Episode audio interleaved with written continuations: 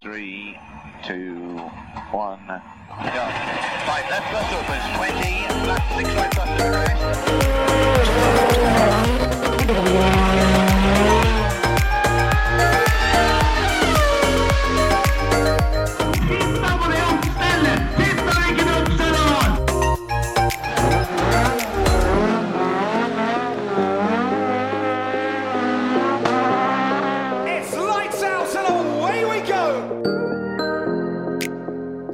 Akkurat de orda der fikk vi faktisk høre igjen eh, nå på søndag. Da var Crofty endelig tilbake på jobb, dere.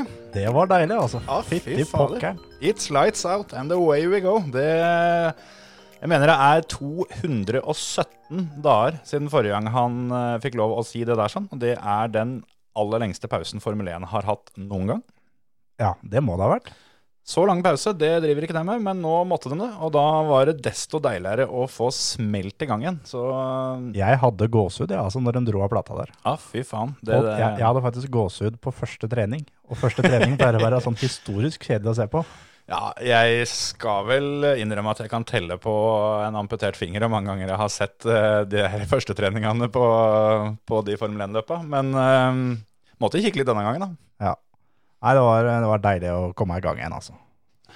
Det var på tide. Nå Altså, det var litt sånn derre Hva skal en si, da? Det, det ble litt sånn overload, for det, nå har vi ikke hatt noen ting på dritlenge. Og denne helga her, så smalt det faen meg i alle hjørner, altså. Ja, da, da, nå fikk vi alt. Absolutt alt. Ja, nå, det var bilcross, og det var rallycross, det var Formel 1, eh, det- simracing Altså, det, det var alt.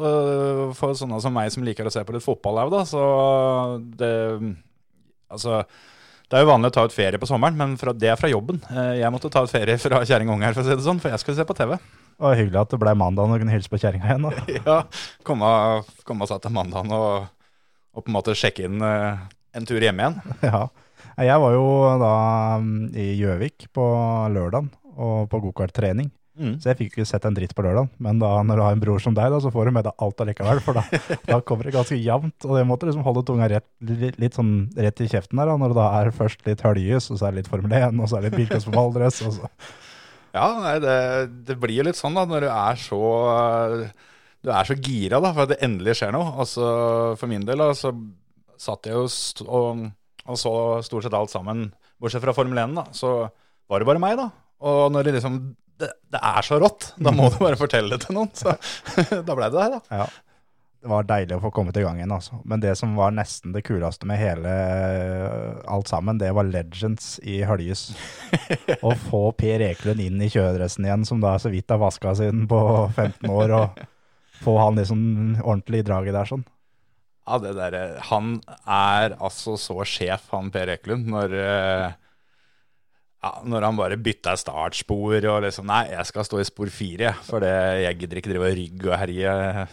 Så jeg gjør som jeg vil, og han fikk, eh, han fikk gjøre som han vil, han. Ja, ja, ja. Per får lov til å gjøre akkurat sånn som det han vil. Men uh, noe av det kuleste med hele Høljes-greiene, det var kult med kjøring og sånn, men uh, den studiobiten de hadde der sånn, med, da var Molly som var um, liksom sjefen i studio. Ja. Og når da på et punkt her var Markus Grønholm, Per Eklund og Petter Solberg sammen i studio, som egentlig kun skulle snakke om gamle dager, Ja, når de begynte, begynte med en del gamle hint om hva som hadde skjedd i bussen til Per Eklund opp gjennom åra, da, da, da syns jeg Molly ble litt rød i kinna. Ja. Nei, det var eh, ekstremt mye bra. Per Eklund har så mye bra å fortelle òg. Ja, det er Jeg kunne Altså, det var vel 26 timer sending de hadde, eller noe sånt, og jeg hadde lett hatt 26 til, altså. Det, det, var, eh, det var helt overlegent. Jeg skulle ønske det var en podkast med Petter Solberg, Markus Grønholm og Per Eklund. ja, ja, faktisk. Det, det er jo ikke bare dem, da. Det, det var jo så mange andre, og Oliver leverer jo alltid når han er innom, og så får du jo de her kjepphøye svara til Johan en gang iblant, og ja. De her andre, andre legendene òg, med, med Eriksson og den gjengen der. Stekka Valfridsson og sånn, de, de veit å prate for seg, de òg, altså. ja, absolutt. Og det er og var kult å høre litt om, eh, om Per Ekelund og Eriksson når de da hadde kjørt sammen. Ja, den historien var faen meg rå. Som, eh, da var det vel eh, Var det Eriksson som hadde gått til Ekelund? og, og kjefta, eller var det motsatt? Det var motsatt, tror jeg. Det var Eriksson hadde, hadde fått kjeft av Per Eklund. Mhm. Fordi han eh, Per mente at eh, han hadde kjørt den av banen. Ja, Og så var de ikke samme heat engang. Men det kommer det til å være neste gang, så kjefta står. Ja, kjefta står. det, er, det, er, det er nivået de legger seg på, og det, nei, det var rått. Men Per hadde jo fått, eh, fått girkutt på, på spaken. Det var han ikke vant til å ha før. Nei, de måtte legge inn noe greier der. For at, uh, jeg skjønte ikke helt alt det de forklarte, men det var noe greier med at han var ikke så vant til å slippe spaken, skjønte jeg. Ja, for det, i og med at han nå har da girkutt i spaken, så når han da ikke slipper spaken og han drar litt, så kutter han i motoren Ja, hele tida. ja. Det har han ikke hatt før. Så nå må han da bli trena til å holde i rattet, ta henda bort og gire, og ta handa tilbake igjen. Ja, ja, for det, Det er litt køddent å lære seg det når du er 74 år gammel.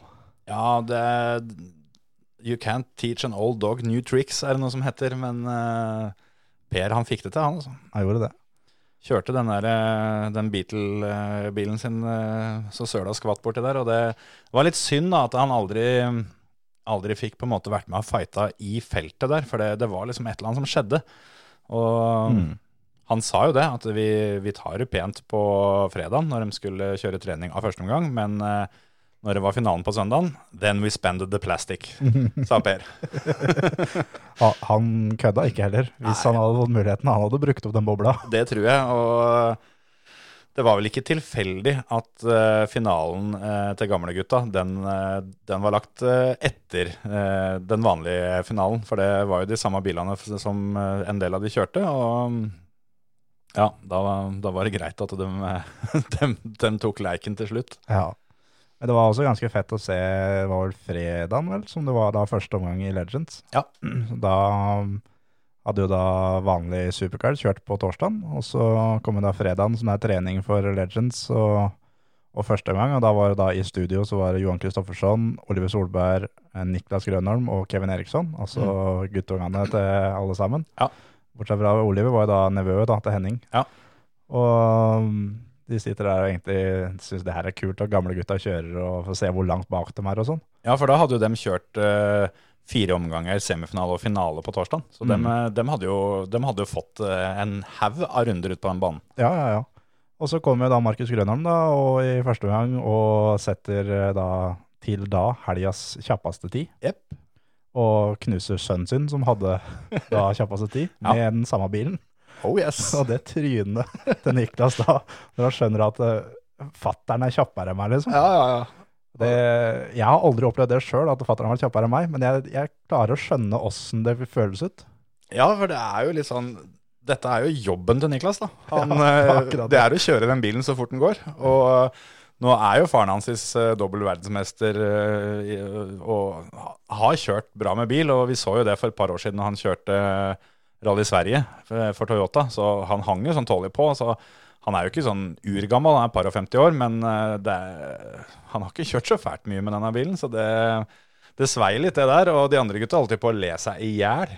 Ja, Johan trodde nesten at han eh, holdt på Han trodde nesten han kom til å lese her, faktisk. For det, det trynet til Johan er sånn, når han liksom ser bort på Niklas, og han bare sitter her med huet i henda, og du får høre at det, han er over et sekund kjappere enn deg. Og det trynet til, trynet til, trynet til Markus Grønholm òg.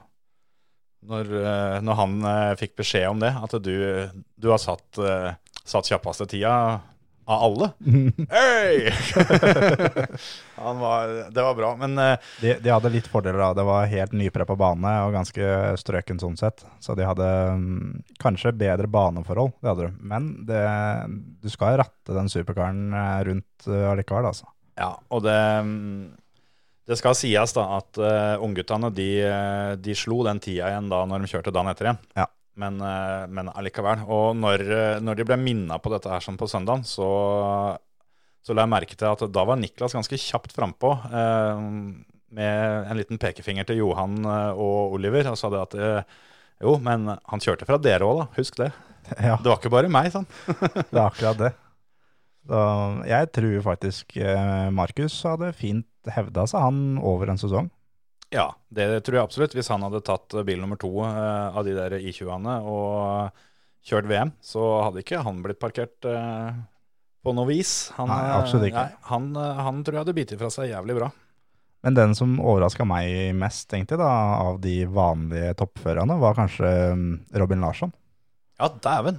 Han og for så vidt Ben Philip Gundersen. Mm. De Audi-gutta der, dem kjørte fælt, altså. Ben Philip uh, har vel ikke kjørt noe særlig supercar før, så Det var første løpet hans. ja, Han kjørte da gamlebilen til Robin. Mm. Den som Robin kjørte i fjor, Mm. og Robin kjørte den som Liam Doran kjørte i fjor. Mm. Og apropos det, så øh, hørte jeg snakk om at, at Liam Doran hadde, hadde sendt inn en og annen beskjed. At han, han syntes det var vondt å se på at, at bilene hans ble kjørt så forsiktig. Ja, den, eh, den gikk ikke så veldig mye sidelengs, sånn Nei. som det han burde gå. Og, men så er det også kanskje den første gang på lenge sånne bilen der har hengt med. Ja, den gikk jo fort. Ja. Det gikk veldig fort. Og Men, men Robin Larsson, han, eh, han er ikke flau for å nappe i et håndbrekk, han altså. Nei, det var akkurat det jeg tenkte på. At hvis det er én fører, bortsett fra Liam, som du skal liksom tenke som, som kjører som Liam, så tror jeg Robin er en, eh, en toppkandidat. Altså. For dæven, han òg har, noen, eh, har noen feite linjer innimellom. Han har noen jokerspor noen ganger som det, det lukter svidd av, altså. Ja, altså For noen år tilbake da, så var det jo ofte litt sånn at eh, det gikk, eller så gikk det ikke. Det var litt sånn enten-eller. Men nå, siste par sesongene, så har det stort sett gått. Han, han har funnet, funnet ut hvor han ligger hen, og hever den bilen inn. Og så ser det ofte ut som at ja, der dreit den seg ut, ja. Det var jo veldig mye vits i når du, når du hadde en kjempetrygg ledelse. Men så gikk det visst. Det er gang på gang, det, som du, som du ser det. Han er, liksom- det er han og Petter Solberg som da på hell kan komme inn og lede helt ekstremt mye. Og bare komme baklengs inn i jokeren. Ja, ikke sant? Og bare, bare for de. Ja, det er gøy. Just because I can. Ja, det er akkurat det. Det, er, det er moro. Og det huset er sånn som på S-ring og sånn òg. Når, når venstre bak er på en måte først over kulen der, sånn, så, så er det litt, eh, litt show, da. Det er kult å se på. Det det. Så, jeg, jeg har alltid ment at Robin Larsson er en av de bedre. Og, Men han har sittet i veldig mye dårlige biler opp igjennom. Han hadde et år hos Olsberg som var så vidt han klarte noen semifinaler. Ja, men Men da, der var jo den bilen var, ubrukelig. ja, den var ikke kjørbar, den der Fiestaen de hadde det året der. Nei. Og mm, den eh, Audien han kjørte i fjor, var jo vel og bra, den, men den var ikke bra nok. Nei. Og nå kommer han da opp i en bil som er eh, Det er fortsatt litt igjen på bilen, Mm. men eh, den er veldig mye bedre enn hva han har kjørt før. Og da, da viser han at han er der. Han sa jo det òg, at det var, det var betydelige oppgraderinger eh, til den nye bilen. Så det Mm. blir spennende å se. Men nå er det mulig jeg blander korta, men i fjor Han ble europamester i fjor, ikke sant? Ja. Så, og, og ganske overlegent òg. Ja. Så det her, og da hadde han vel et innhopp eller to i eh, VM-klassen. Ja, han kjørte i hvert fall Riga, Ja. og fikk kjeft av Ja, søstrene Hansen i, i Riga. De var jo ikke med i helga. Det er jo også litt sånn sært, da. Eh, Det skal sies, Timmy kjørte jo. Han eh, kjørte, eh, kjørte Crosscar Extreme Ja. uh, i teamet til Thierry Neuville. Det var litt stilig. For han har sitt eget, uh, eget merke der. Mm. Han bygger sin egen crosskart, han. Mm. eh, det gikk fælt, det òg. Alle som har sett de her ekstremkartene, veit jo at det, det går fælt. Ja, ja. Det er helt sinnssykt å se på. Det er eneste som med den som Neville har bygd, er at det mangler litt motorkraft. motorkraft. Så mm, de må ta det igjen på kjøring. Og derfor så var jo da Timmy veldig ofte bakerst. Ja, ikke, ikke sant? Det vil uh, hang med sånn tålig, men Ja. eh, Timmy sleit ganske mye. Ja, altså De der gutta de kjørte mot, uh, har kjørt mye. Dem er gode, så det ble ikke semifinale på noen av dem, tror jeg. Nei. Men uh, de hevda seg i enkelte heat, da. Og det, det var artig, artig å se, se uvill uh, ute og fighte i felt der. Jeg tror han syntes det var litt moro. Ja, han, han sa det ene studiointervjuet at han eh, var veldig stor fan av rallycross Mm. eh, når han vokste opp, og Martin Skanke var, var favoritten hans. Ja, det, det fikk jeg med meg at han sa. Så det er Kanskje det er en eh, ting for framtida, at han eh, går i fotspora til, til Petter Solberg og Sebastian Løb og tar Ja. overgangen. Hvis ikke han vinner VM snart nå, så må han jo finne på noe annet. Og han det- faen meg har prøvd så lenge. Ja. Eh, vi får se åssen det går. Det, det kan vi komme tilbake til litt seinere, men uh, nå ser det ut som det faktisk skal bli uh, VM-sesong i VRC også. Ja, eller fortsettelse, for vi, vi har jo begynt. Ja, det er jo det eneste vi kom i gang med. Der fikk vi jo gjort unna tre løp, vel. Ja. Så det, de- dem er jo godt i gang. Ja, ja, ja. Der Men- ser du, vet du, det er bare en pause fra motorsport. Det gir seg ikke. Nei, gir seg aldri. Det, det skal tyngre skyts til for det, altså. Ja, ja, ja. Så det, nei, det men eh, både Timmy og Kevin de lot Peugeotene stå hjemme. De var der alle sammen. Både Timmy og Kevin og Susann og Kenneth og hele, hele gjengen var der og fikk trøkt trynene sine på TV opptil flere ganger. Eh, Da måtte jeg spole litt innimellom, men eh, Ja, jeg også, da tenkte jeg at nå er det veldig fin tid til å finne noe å drikke og få gått på dass, og alt den biten må gjøres unna nå.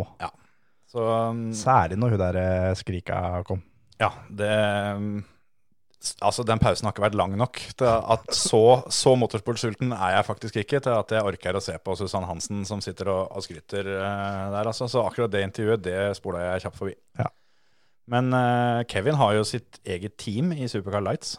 Ke eh, både Kevin og Timmy de driver sammen. Å ja, ja, ok. Jeg trodde bare det var Kevin, siden det, det heter noe sånn der yellow Yellow, Yellow Squad, heter det. Så i, og med at det er Kevin som har hatt den gule bilen, så har jeg bare gått ut ifra at det var hans. Men uh...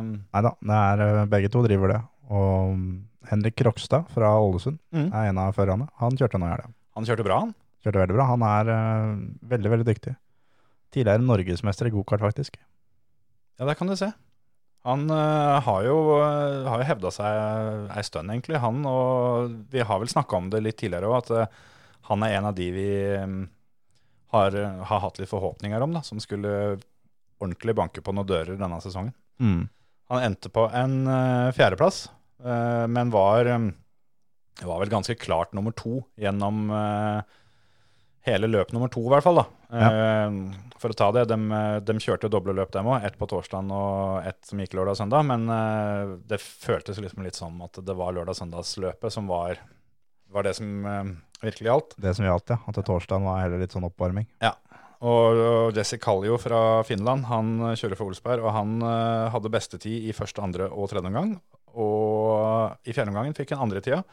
Da var det Henrik Rokstad som vant. Han eh, var nummer to i omgang to og tre, og vant Ja. omgang fire. Ja. Så han var på en måte Han var, han best, var Best, of the rest. Ja, det var han virkelig. Og i finalen så Enten på, tredje, nei, på fjerdeplass der, så ble slått av Linus Østlund på tredje og Mats Oskarsson på andre. Så hadde vi også Thomas Holmen på sjetteplass i eh, finalen.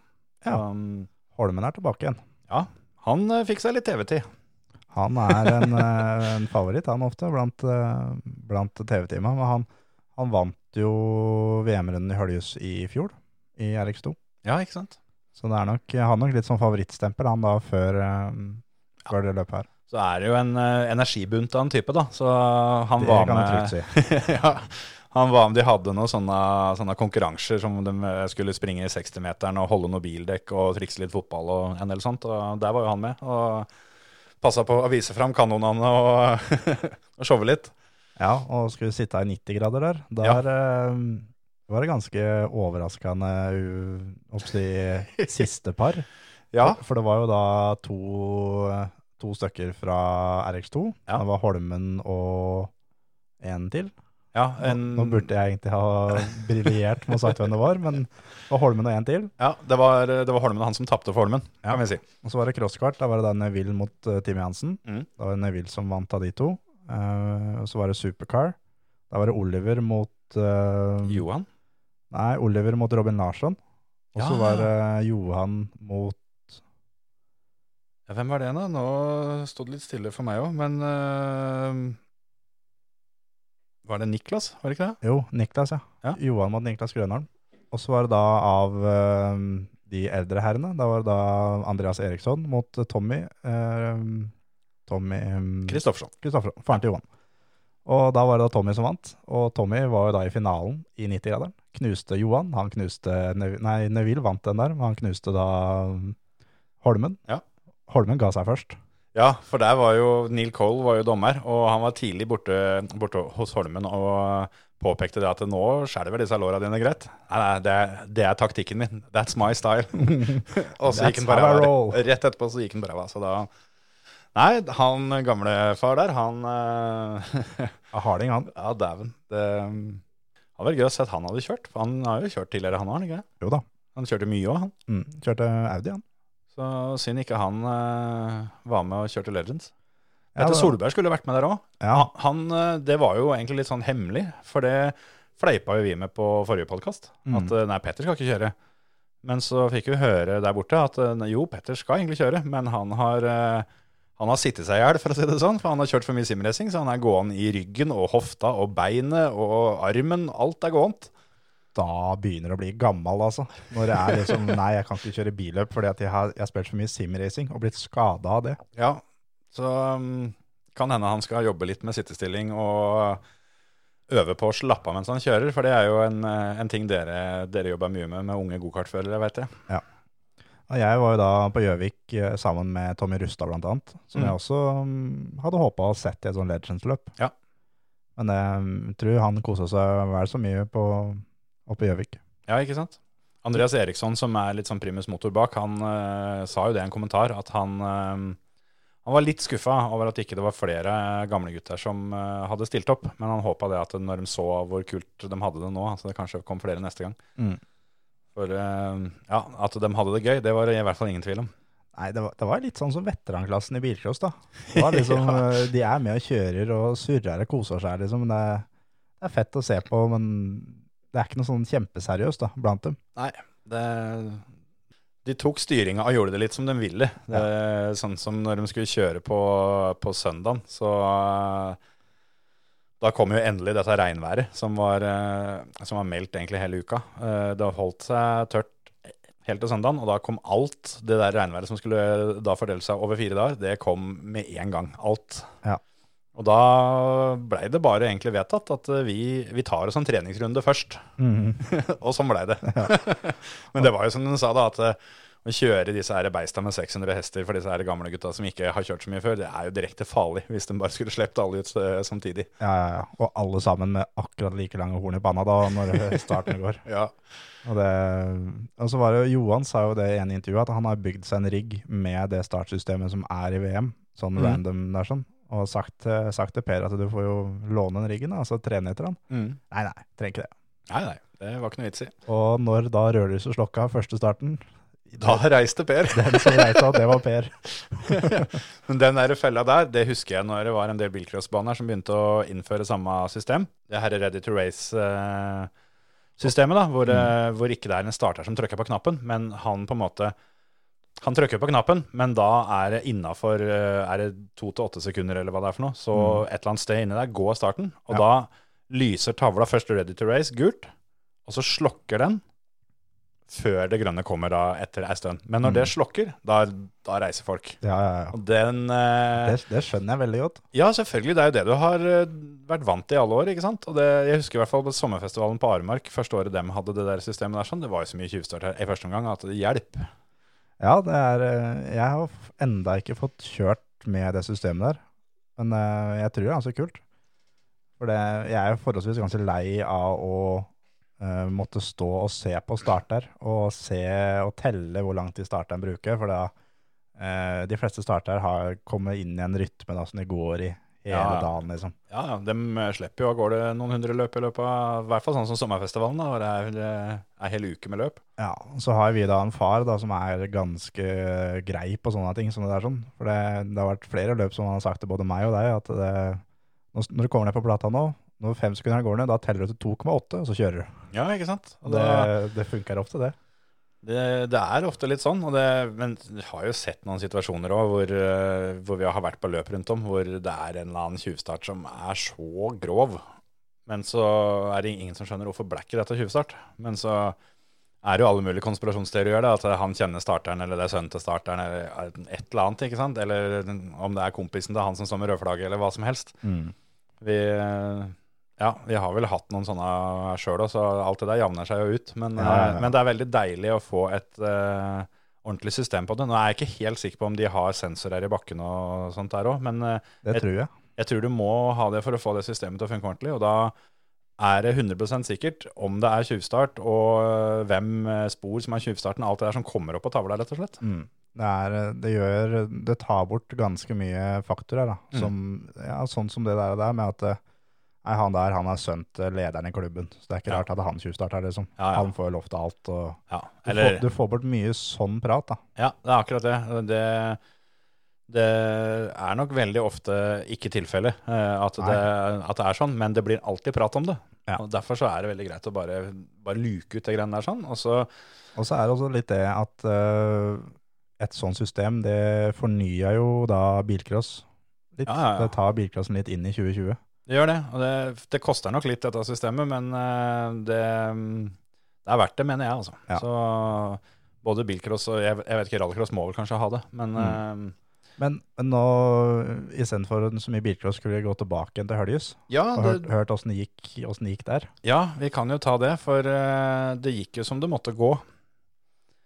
Ja, Da tenker jeg da på søndagsløpet igjen. da. Ja, ja, Eh, Nei, det var Johan som vant. da. Det er jo alltid Johan som vinner. Ja det er jo alltid det. Han kjørte jo eh, ikke eh, poloen eh, han ble verdensmester i. Nei, Han Kjørte eh, sin egen. kjørte sin egen polo, som eh, Sondre Evjen skal kjøre når det blir eh, sesong. Så Og som Evjen kjørte i fjor. absolutt. Og ikke veldig trist for Evjen å sitte hjemme og se på at den bilen er går som han, eh, som han går. Og selvfølgelig, det har litt å si med han som sitter oppe i stolen nå, men, men eh, at Johan har uh, tuna den bilen der uh, helt til det den har, det er helt sikkert. Så Ja, ja, ja. jeg tror Sondre Even gleder seg litt til å komme i gang, han òg. ja det tror jeg òg. Og um, Oliver uh, gjorde det veldig, veldig bra. Ja, kjørte Han, jo eh, gamle DS3-en. Han kjørte gamle DS3-en, og Helvete for noen starter den bilen tar. ja, ja. Det Nei, reiser altså så helt sjukt av gårde. Du så flere ganger som han ikke nødvendigvis var kjappest på lyset, og var liksom en meter bak. Putter andre gir, og så har han fri bil inn i første svingen hver gang. mm. Det er jo så mjuk, den der skøyta der, at det er jo Når han liksom slipper touchen, så dæljer jeg jo hengerfestet bare rett i asfalten. ja, det subber er greit. Men det er jo det Det er en av de tinga jeg husker best fra, fra VM-statusen kom, da. Når, når Petter begynte, begynte å kjøre rallycross. Så alle kjørte jo med så stive biler de bare klarte, nesten. Mm. Og så kommer Petter da med den der ordentlige båten der, og fikk jo noen spørsmål om det. Og da husker jeg så godt det han sa det, at uh, alle kan kjøre fort på asfalten. Men eh, det å kjøre fort på grusen, det er der det ligger. Det, han har jo et poeng. Det viste seg jo, altså nå er jo Petter er jo Petter, da, han er flink til å kjøre bil. Uh, Men når han kjørte DS3-en, og når DS3-en virka, så vant Petter. Ja, ja, ja. Stort sett hver jævla gang, altså. Ja, Det, Jeg, jeg husker jeg var på Lyden Hill i 2015, var det vel?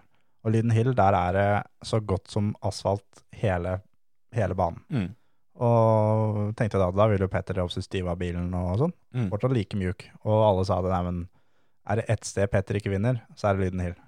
Fordi at det er så mye asfalt. Ja. Og Petter vant. Gjorde det. Så um, han var formann, han altså, når han var i slaget. Ja, dæven. Det mm, Men det, det er ganske kult å se da, at den bilen som var så bra da i 2016 Ja, det var vel 16 siste året, for da ble Polo med dobbel verdensmester for Johan 17-18. Ja. Og så ikke noe i 19. Ja, 16 er siste året. Og den eh, henger sånn tålig med. Den er ikke bra nok i forhold til um, Grønholm sin uh, I20. Det er den ikke. Nei. Men uh, den henger med sånn tålig. Ja, ja, ja. Det, mm, Det er, en bil mer enn bra nok til å vinne EM, f.eks. Oliver hadde kjappeste tida i tredje omgang, f.eks. Ja. Men det hadde nok litt med mm, føre å gjøre. For da hadde han eh, kåla det til i andre gangen, så han starta i siste hit, og da regna det så jævlig. Altså fra altså, Hva ble det? Sving 1-2 fra sving 3 til sving 4. Altså der de kommer ut fra alternativen. Mm. Det var bare én lang vannplaning hele veien bort der. Det, det var så gjørmete og jævlig at eh, Deilig. første par rundene der, helt til, helt til guttene skjønte hva som skjedde, så, så så det jo faen ikke ut. Det er så håpløst å gå fra asfalt til grus på et sånt føre når det er bare gjørme, for det er akkurat som at du dæljer panna rett i rattet. Ja. Og så tror du at det er kun deg sjøl det skjer med. Det er akkurat det. Den, den der følelsen der er så ekkel, for du tror alle de andre kjører så fort som du har lyst til å kjøre. Ja, ja. Og det er sånn, det kommer, da, da begynner du å stresse noe jævlig. Og da, jeg har hatt det flere ganger jeg har kjørt bilcross, og kommet liksom i ledelse da, ut fra, ut fra en asfaltsving. Ja, jeg husker spesielt da når du kjørte på smådøl, da, når du Mm. skulle når du skulle krysse over starten igjen. Mm. For der var det da sporet til gærne veien og alt det her sånn. Det, det føltes som du sto dønn stille. Og da er det da flere ganger. Altså, liksom få gira ned og få gitt på noe turtall, så det virkelig ventilene nesten snur seg omtrent. Fordi du tror at alle de andre har jo spikerfeste, tenker jo. Ja, ja. Men de har jo ikke det. Nei, det det, de kjører den samme gjørma. Ja, ja. Så, men Oliver har gjort det veldig, veldig bra da, i regn før. Ja da. Og mm, han har virkelig vist at han har sin egen kjørestil i forhold til Petter. Han er eh, en litt blanding av Løb og Petter. Han Ja. har noen av de faktene til Petter med ræva først og alt sammen, men så har han også det at han kan roe seg ned og kjøre veldig, veldig smalt. Og så er han ufattelig dyktig. Altså Nå har han jo begynt å få en god del erfaring, da. Men jeg husker når vi var og så på det første løpet hans i, i supercar eh, nede, ned på Grenland. Da var han vel 15-16, et eller annet sånt. Og den evnen der til å, å på en måte reagere på ting som skjer, og hente seg inn igjen når, eh, når uforutsette ting dukka opp, den Mm. var, det var det som imponerte meg mest den, eh, den helga der, husker jeg. Ja. Det, det har han enda. Mm. Han eh, Eneste jeg syns var flere ganger inn i turn 2 på Høljus, altså der hvor du kan gå i, i um, jokeren, Mm. så var det flere ganger som Altså når du ligger da på ytteren da, av en inn der sånn, Mm. og du har klar bane foran, det er jo da egentlig sånn go to at nå må jeg i jokeren. Ja, Men Oliver uh, bremsa veldig ofte ned og prøvde å gå rundt på ytteren i første svingen, Ja, så, så da gjorde at han ble grisetorpedert, for da når du ligger bak en som er på ytteren, så forventer jeg jo ikke at han skal bremse ned og inn. Da forventer jeg at han bare skal lefse på inn i jokeren. Yes, Den fikk seg, fikk seg greit med juling. Du så Cuddy var ute med den store slegga og banka akkurat. Det òg var litt gøy, syns jeg. da. Cuddy henta jo pickupen. Ja, begynte å spenne opp den bilen. Og jeg liksom tenkte på det at det der er litt deilig å se. Her har du en 600 hesters eh, supercar som eh, Petter har vunnet VM med. Men når det blir bulka, blir retta på akkurat samme måten som jeg gjør med Volvoen. Ja, det er faktisk det. Det er, det er, kult, det der. Men um, den der D-strøm ble jo henta ut av, ut av det der ehm, Museum. museet hans, Ja, ja. og blir parkert der igjen nå. Ja, den blir vaska og satt bort. Og det er, eh, er sånn det skal være, det. Og det har jo vel vært snakk om at eh, Oliver kanskje blir å se, mm, i hvert fall på Høljesrunden, når eh, VM i rallycross kommer i gang litt seinere i sommer. Han, mm. han snakka om det. Og han hadde vel eh, gitt beskjed om å, om, om, om å bygge om omtrent hele bilen. Eh, jeg tror det var fredagskvelden, Ja. Altså, de kjørte løpet av torsdagen. Og så når det var ferdig, så var det bare å bygge om eh, alt av, alt av oppsett og alt sammen, sånn at eh, han fikk eh, bilen sånn som han ville ha den før han kjørte lørdag og søndag. Ja. Men vi kan ta det kjapt, da. Johan vant foran Robin Larsson. Oliver Solberg, Oliver Eriksson, Thomas Bryntesson ble nummer fem. Han har kjørt det fælt, altså. Det var jævla gøy å se han uh, kjøre på regnet. Men apropos han, ned bakken der sånn uh, Jeg tror han har si, bokseren full av avføring enda. Ja, dæven, når han, når han kitter til innsida av veggen, akkurat på bakketoppen der, da. Ja, ja, det er som du da har lagt uh, oppsi Du har akkurat putta sjettegiret. høyeste veksel, og du har stumt. Du har egentlig ikke lyst til å holde stumt. Det har jeg spurt, spurt Bakker om. Ja. At det nede der sånn, er ikke litt skummelt? Bare jo, jo. Det er, det er, vi er livredde hver gang. Ja, men du må bare. Og treffer autoren på innsida og blir bare skytet ut til høyre. Og kommer sidelengs da over gresset. Og det er jo som et sånn søkk ned. Mm. Og hvis det hadde tatt tak i det søkket Han hadde jo ikke vært ferdig å rulle enda. Nei, det Og hadde vært er, vi, stygt, nå er vi altså. på tirsdag. Det her skjedde jo på fredag. ja. Så, men heldigvis gikk det der sånn bra. Ja, han eh, Det, ja, det ble jo vel, så vidt jeg vet, ikke noe særlig skade på bilen heller. Han Nei. kom seg til mål i det heatet og alt sammen. Og, men det var jævla rått når han uh, kjørte på regnet der. Han, uh, han valgte noen sporvalg som uh, disse grusgutta ikke veit fins engang. så det er tydelig at han har kjørt litt gokart på vått føre og sånn før, og hadde annet en en forbikjøring ned den samme bakken. da, og Det jo er jo litt ekstra fett da, når du, når du har holdt på å ta livet av både deg sjøl og bilen og alt sammen der for noen dager siden. Og så bare lefser du på ytteren ned den bakken. Ja. Thomas er ekstremt dyktig, altså. Det er, han var jo største konkurrenten til Emil eh, når han kjørte gokart. Og det har vi forresten glemt å si, at eh, Emil er jo ikke her i dag. Så for dere som har hørt en halvtime nå og lurer på når Emil snart skal slippe til, så Ja, han er ikke her. det er helt riktig. Vi, har, vi har sendt den på sommerferie. vi har rett og slett gitt den fri, for nå, nå, fikk det, nå fikk det være nok. Så nå må vi rett og slett eh, passe på å ta oss litt ferie. Og da var det Emil eh, som fikk første etappa i regnværet, og så tar vi det litt seinere. Da Vi lar han liksom få varme opp da rundt omkring på badestrender nå i regnet, og så kommer vi og blir solbrente da, da om et par ukers tid. Vi skal ringe Emil etterpå, for da vi må jo snakke litt Formel 1 nå. For det, det var så fett at det må vi, det må vi ha med han på. Ja, det må vi.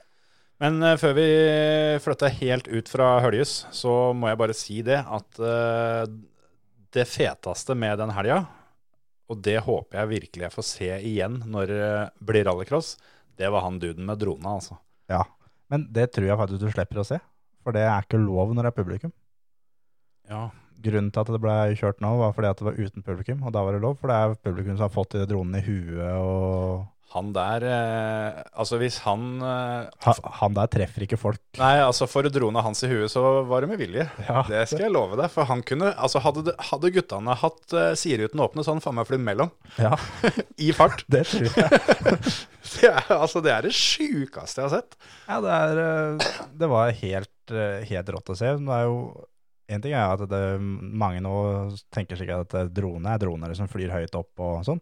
Han Nei, er flyr en meter unna, og så følger han bilene. følger bilene. Og ut av noen svinger så han tar dem igjen, Ja, og, og og filmer dem først bakfra, og så kjører han da over bilene og vrir kameraet mot dem. Ja.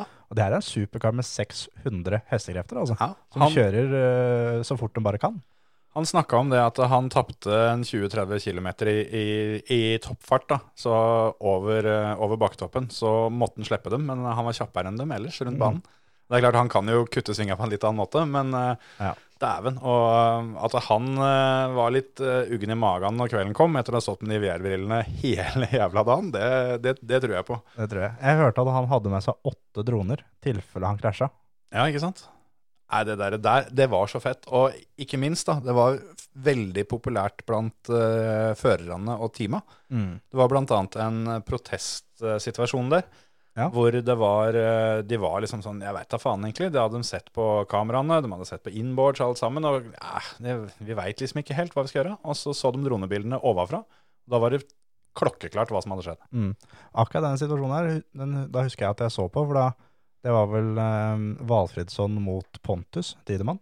Det kan stemme, ja. Og så det først fra liksom, TV-bildene. Ja, det er ganske drøyt å gi fem sekunder straff for de greiene der sånn. Det var jo ingenting. Nei, ta det sammen litt. Liksom. Ja, ja, Mm. racing-incident, liksom. Og så mm, kommer da dronebildene etterpå, som viser så tydelig at uh, da over den samme kuren hvor det går helt flatt, Ja. så legger Valfridsson på gir og skal svinge til venstre, har Pontus på høyre. Da ifølge Valfridsson så går svingen litt til høyre òg, den da. ja. Så han bare lener seg utover mot Pontus og sender han av gårde. Og uten drona så hadde ikke skjedd noe. hadde ikke skjedd noen ting. Nei, det tror jeg ikke. Så var det også flere som eh, kommenterte det, at de, eh, de fikk veldig de fikk veldig mye hjelp med oppsett av bilen, rett og slett. For mm. de fikk se åssen bilen bevegde seg, og, og chassis og dempere jobba og alt sammen eh, fra, fra den vinkelen, som var veldig mye, veldig mye bedre. Så de snakka om det, at hvis, hvis det er mulig, da, så skulle de prøve å få til det at de, de kan bruke dronebildene live seinere. Denne gangen Mm. her så var det bare opptak. Ja. Men om ikke det er lov, så har de i hvert fall lov til å beholde det kameraet som de satt på railen ned bakken. Ja, og jøss, ja. Og så må de, det der må de bare få satt opp på god Golaug. Ja, ja, ja. ja. Det er familien Rustbergard, hvis dere hører på, få handla sånt og få satt det på autovernet på Fuglehaugen. Ja, fy faen. Det, det var Det var Det blei litt bløtt i buksa til Andrew Coley et par ganger der òg, når de bilene feis forbi der, og noen av dem subba inn igjen. Er Oliver, Oliver kjørte jo ned. Ja, det går i 170 der. Ja. Så for all del, legg deg innatt autovernet. Ja, det var, men det kameraet der viste litt sånn eh, hvem som virkelig er på limiten, hvem som ikke er det. Ja. For da kommer, eh, var det vel eh, Grønaren først, helt inne i autovernet. Johan inn autovernet. Eh, Larsson litt på utsida. Mm. Og så kommer Oliver helt innatt. Ja. Og Bryntesson litt på utsida. Mm. Der ser du på en måte hvem som er helt helt trygge, og hvem som er, uh, har flyten, rett og slett. da. For du Mm. legger deg ikke innatt der hvis ikke du har flyten. Nei, det, men for, eh, for Thomas sin del, altså, du kan vel få til forsvar at du legger deg kanskje ikke helt innatt heller etter du traff det forrige gang du prøvde. Nei, det er akkurat det. Men vi, vi kan jo ta med sammenlagtstillinga i Rallex Nordic. Ja, ja, det kan vi gjøre. For det ble jo um, kjørt av to løp. Ja, Sjøl om den blir vel litt sånn rar, for det er vel en del av de gutta her som ikke kommer til å kjøre den, eh, de andre løpa i sesongen. Men, eh, men ja, åssen står det an der nå? Der er det faktisk Robin Larsson som leder. Han eh, leder med 55 poeng foran Johan på 51. Eh, Oliver Solberg er på tredjeplass med 46. Niklas Grønholm er på fjerde med 45. Oliver Eriksson på femte med 31, og det er i grunnen delt femte med Bryntesson, som også er 31. Ja, der kan du se. For det, Robin eh, ble jo nummer én foran Johan på torsdagsløpet. Ja. Med Niklas Grønholm på tredje, Oliver på fjerde og Thomas Bryntesson på femte. Ja. Ben Philip ble nummer sju der, eh, etter det det står. Ja, han hadde jo kommet videre, han fra semien, men han, eh, han fikk noen problemer, så han stoppa jo rett før mål, ut av siste sving. Ja, det stemmer det.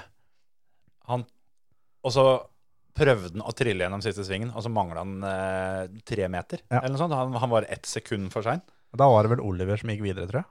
Det tror jeg kan stemme, det, ja. Det, det har blitt sett på så mye i helga at jeg klarer ikke skille helt hvem løp som er hvem. Men Nei. Ja, jeg kan jo ta med at Henrik Rokstad ble nummer to i torsdagsløpet på um, Supercar Lights. Da var det Simon Olofsson som vant. Og Krokstad ligger nummer fire totalt i, i serien. Det kan bli gøy. Det, det skal jo kjøres uh, VM-runder i, eh, i rallycross etter hvert òg, så vi får eh, se. Nå har i hvert fall, i hvert fall Markus Grønholm, da, som var den uh, Det var vel han som stilte med 2020 toppspekka bil av på en måte forhåndsfavorittene. Så har jo Robin Niklas, Larsson ja. Ja, selvfølgelig Niklas Grønholm. ja, hvem veit? Ja. Kanskje, kanskje Markus drar på seg kjøreresten igjen. Er Niklas med 2020-bil og Larsson med 2019-bil, Ja, som den- er egentlig en 2018-bil. Ja, Noe sånt noe. Så um, det var tydelig at uh, bilen til Niklas den var jo litt kvassere enn de andre. Ja. Så vi får se når uh, Hansen Sisters kommer med bilene sine, og ja, alle de andre. Uh, GCK-bilene og alt det der. Sånn, det er en haug med biler som vi får se om, om de Åssen det måler seg opp. Ja, absolutt. Det blir gøy. Men uh, skal, vi, skal vi ringe Emil, eller? Prate litt om dette Formel 1-løpet? Det kan vi gjøre. Hallo, hallo. Hei sann. Det er føremøtet som ringer. Ja vel. Siden ikke du er i studio, så måtte vi jo spore deg opp eh, via telefon. Ja, Sendt deg på ferie, har vi sagt. Eh, Får du spilt noe golf i regnværet?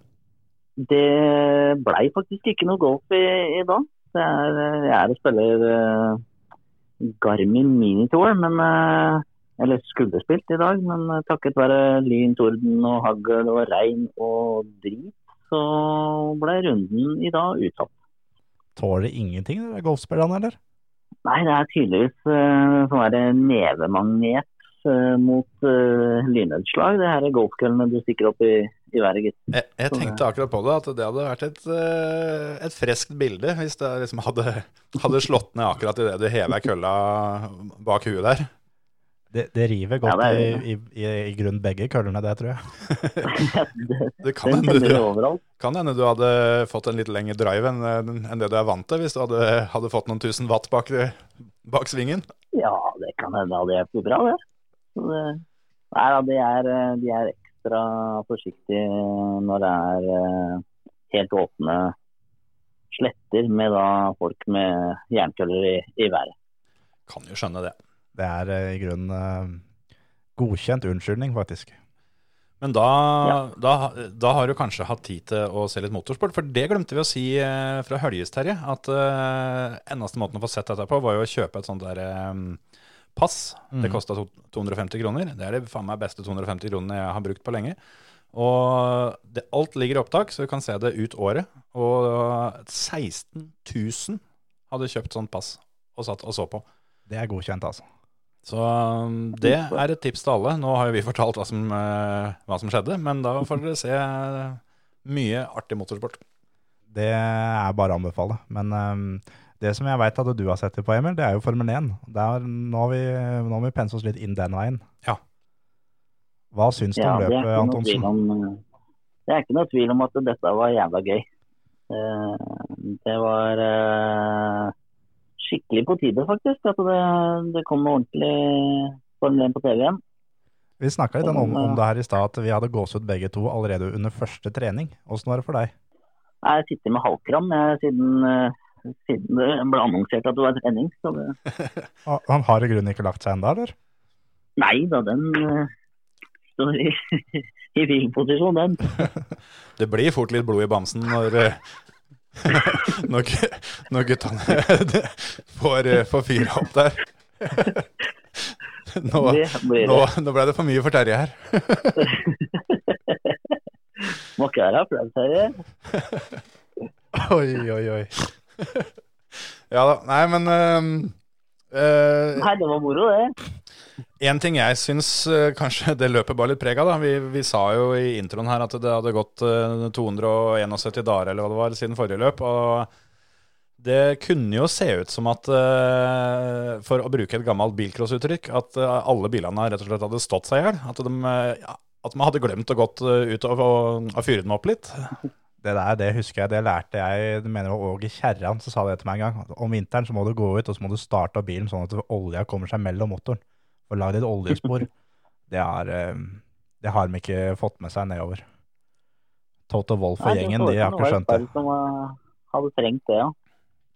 Det var vel eh, Var det noen biler i det hele tatt som brøyt av, av skader som de klarte å ordne sjæl? Eller jeg tror alle de åtte som brøyt, eller hva det var, det var pga. at det var noe som gikk til helvete med bilen. Og det var jo ikke bare motor her, det var jo girkasser og bremser og Det var Jeg vet elektronikken ikke om den til, den til Kviat var kanskje litt sjølforsynt. Jeg vet ikke om, eh, om han har hjelp i det, men det, det tyder jo på at det ikke var så jævla bra skrudd sammen eh, eller bak der. Og så har jo Kimi mista jo hjulet. Ja. Mm. Ja, for det, det husker jeg vi snakka litt om når jeg så på løpet. For jeg mente jo først at det var dekket som rett og slett ble dratt av felgen. Eh, for det He hele felgen og hele dritten bare gikk. Ja, for at eh, felgen skal jo egentlig sitte fast i en vaier. Mm. Mens alt forsvant jo, så det, det var jo tydeligvis mer som var gærent der. Eh, Men ja. Det, og der har jo Kim igjen, da. Der, der kom jo radiobeskjeden om at gutter, jeg mista faen meg hjulet. Som om de ikke visste det, liksom. Men Nei, det fikk vi ikke med oss. den aller beste radiobeskjeden Jeg tror faktisk ikke det kommer til å være noen som topper den gjennom hele året i år. Det var jo Walter Bottas på, på kvalen. Som liksom da drar av liksom sin siste flying lap. Ja. Og så spør om han er, er alt greit. Så bare jepp, all good. Da er han liksom ute på gresset og hopper og spretter. Og så bare Ja, det, er du helt sikker? Bare, ja, ja. Klipper litt av gress, jeg bare. Ja, for det, det var litt eh, Det var litt gress der. Det spruta litt blomster. Og var, liksom, var helt rolig. Bare jepp, all good. Og kommer inn på banen igjen, og så bare Det greiene her sånn, det klipper bedre gress enn den gressklipperen jeg har hjemme. altså. ja. Og omtrent da fikk han beskjed om det at eh, ja, du behøver ikke komme inn i pitten. Du kan egentlig bare kjøre og parkere, for du, du er på pole. Så nei, Walter Bottas eh, Jeg tenkte mye på det, at han gjør jo akkurat det han må gjøre i det løpet her sånn nå. Ja, ja. Når det er så mye snakk om at uh, han kanskje blir bytta ut, så gjør han absolutt alt riktig. Han uh, vinner kvalen, og vinner jo da løpet etterpå. Det har jo blitt liksom en sånn tradisjon at Bottas starter jo, starter jo liksom sesongen eh, jævlig bra. da.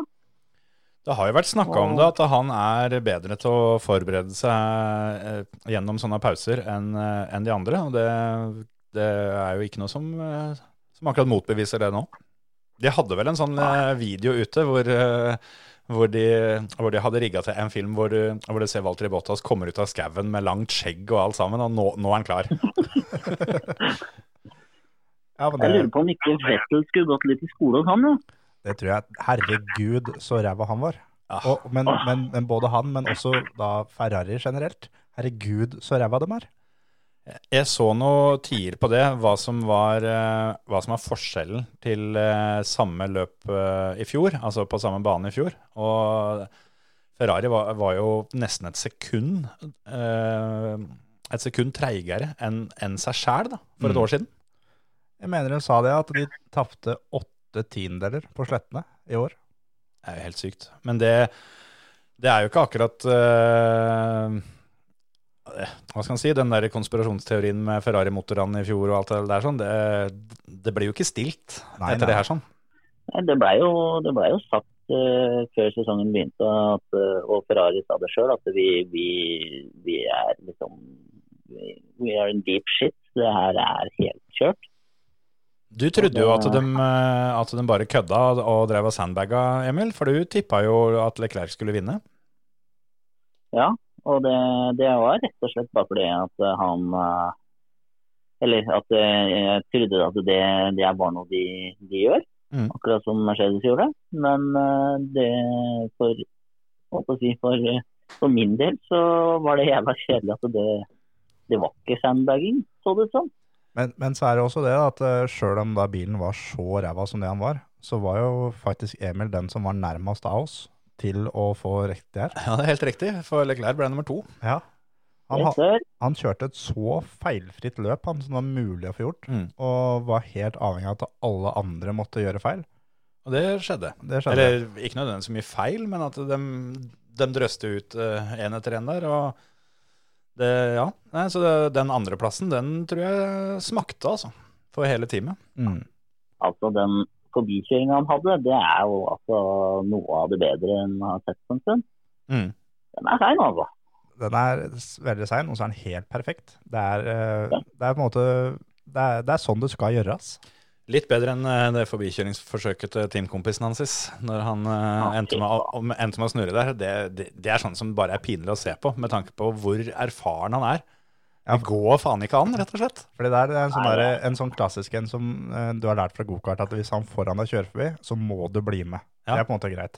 Men ikke når du er 15 meter bak. Nei. Da er det for seint å bli med. Altså. Eh, det, er- Bussen har gått. ja, det, Nei, men han, er, han er for god for å gjøre sånne ting. Ja. Det er ikke greit, rett og slett. Eh, For å si det sånn, så tror jeg min teori om at uh, Fettel rett og slett legger opp etter sesongen, den ble ikke svekka nå. For det er tydelig at han, har ikke, han var ikke påskrudd, han var ikke skarp i det hele tatt. Så at han, er litt sånn, uh, at han er litt mentalt ferdig med dette, det, det ser sånn ut, altså. Ja, ja, uten tvil. Mm. Og um, det var jo Jeg har jo tippa at han går til um, Renault. Og Mm. der har det jo kommet uh, rimelig heftige nyheter, som uh, er uoffisielt enda. Men uh, det er tippa at det blir sluppet før vi slipper denne episoden her. Ja, for vi sitter her på tirsdagskvelden og har eh, fått nyheten eh, i, Det begynte så vidt i går, men eh, har kommet en del steder i dag om at det vi har snakka mye om, Fernando Alonso kommer tilbake i Formel 1 og skal kjøre for det nå neste år. Ja. Det som du tippa, Emil, Ja, da er det det fram er rett og slett fordi at du trenger hjelp. ja, Mm. Da er det for din del fram med Alonso-capsen og få tredd på deg den Alonso-T-skjorta du hadde når du var tolv år.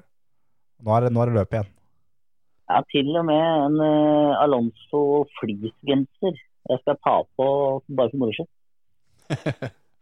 Ja, det blir, eh, det blir spennende. Det, Det blir gøy. Hvis ikke vi har sett pølseskinn, pølseskinn før, så har vi iallfall sett den nå.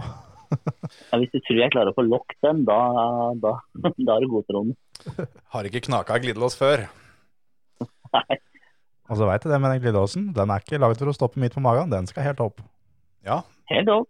Ellers, ellers, hadde den, vært lagd til midt på magen. ja, det er helt riktig. Sønnen min han, eh, han er en hard tilhenger av den, sjøl om han ikke har sett eh, Kong Curling. Så, eh, så lever han etter, etter den regelen her sånn. Og om, eh, om eh, på en måte glidelåsen på, på shortsen ikke vi liksom det der siste kneppet opp som er litt, litt vrangt, da blir ikke den shortsen brukt. Ja, Da kan den shortsen ligge der og så skamme seg. Ja, rett og slett. Da får den ta seg sammen. Ja. Så det, det er helt riktig, det. Men Emil, hvem var det Ja. som imponerte deg mest? Jeg tror vi har samme svar. Det er jo ikke noe tvil om at det er eh, Landon Norris. Helt enig. Ja, men altså hvis dere hadde fått beskjed før løpet om, eh, om at Niklas Latifi skulle bli nummer 11 Hæ? Det hadde vært litt sjukt, ikke sant? Ja, Da hadde jeg tenkt, da, da er det ikke mange bilene igjen. Ja, ja, det, og det var jo det som skjedde da, selvfølgelig. Men, men sånn, hvis du, hvis du ser på resultatlista. Ja, ja, ja altså, det, det ga jo, altså den 11.-plassen ga han jo nøyaktig like mange poeng som den 20.-plassen han skulle ha hatt, eh, sånn sett. Men hvis du ikke har sett løpet og ser på resultatlista, og når du scroller deg litt nedover der sånn da, og, og før du da ser at, uh, at det er på en måte brutt baken, så hadde du tenkt at men hva faen er det som har skjedd her? det er uh, Han var- sjokket. sjokkert. Men det er jo da Det som er det sjuke, er hvis noen hadde sagt fra til oss når vi, altså før løpet at Landon Norris skulle komme på pallen, og han skulle få kjappeste rundetid. Mm. Vi hadde ikke trodd på dem i det hele tatt. Det var så, det var så Disney-film, den der siste runden der. når han, eh, han var noen tideler bak, og så klemte til så jævlig, satt kjappeste rundetid og henta de tidelene som, eh, som han måtte da, for å, å komme på pallen. Det var eh, Ja, jeg, jeg delte litt den der følelsen som eh, teamet hadde der, for der var det faen meg full jubel. Da fikk, eh, fikk eh, avstandsregler eh, bare ha det så godt. Sånn, korona, det gikk over akkurat da.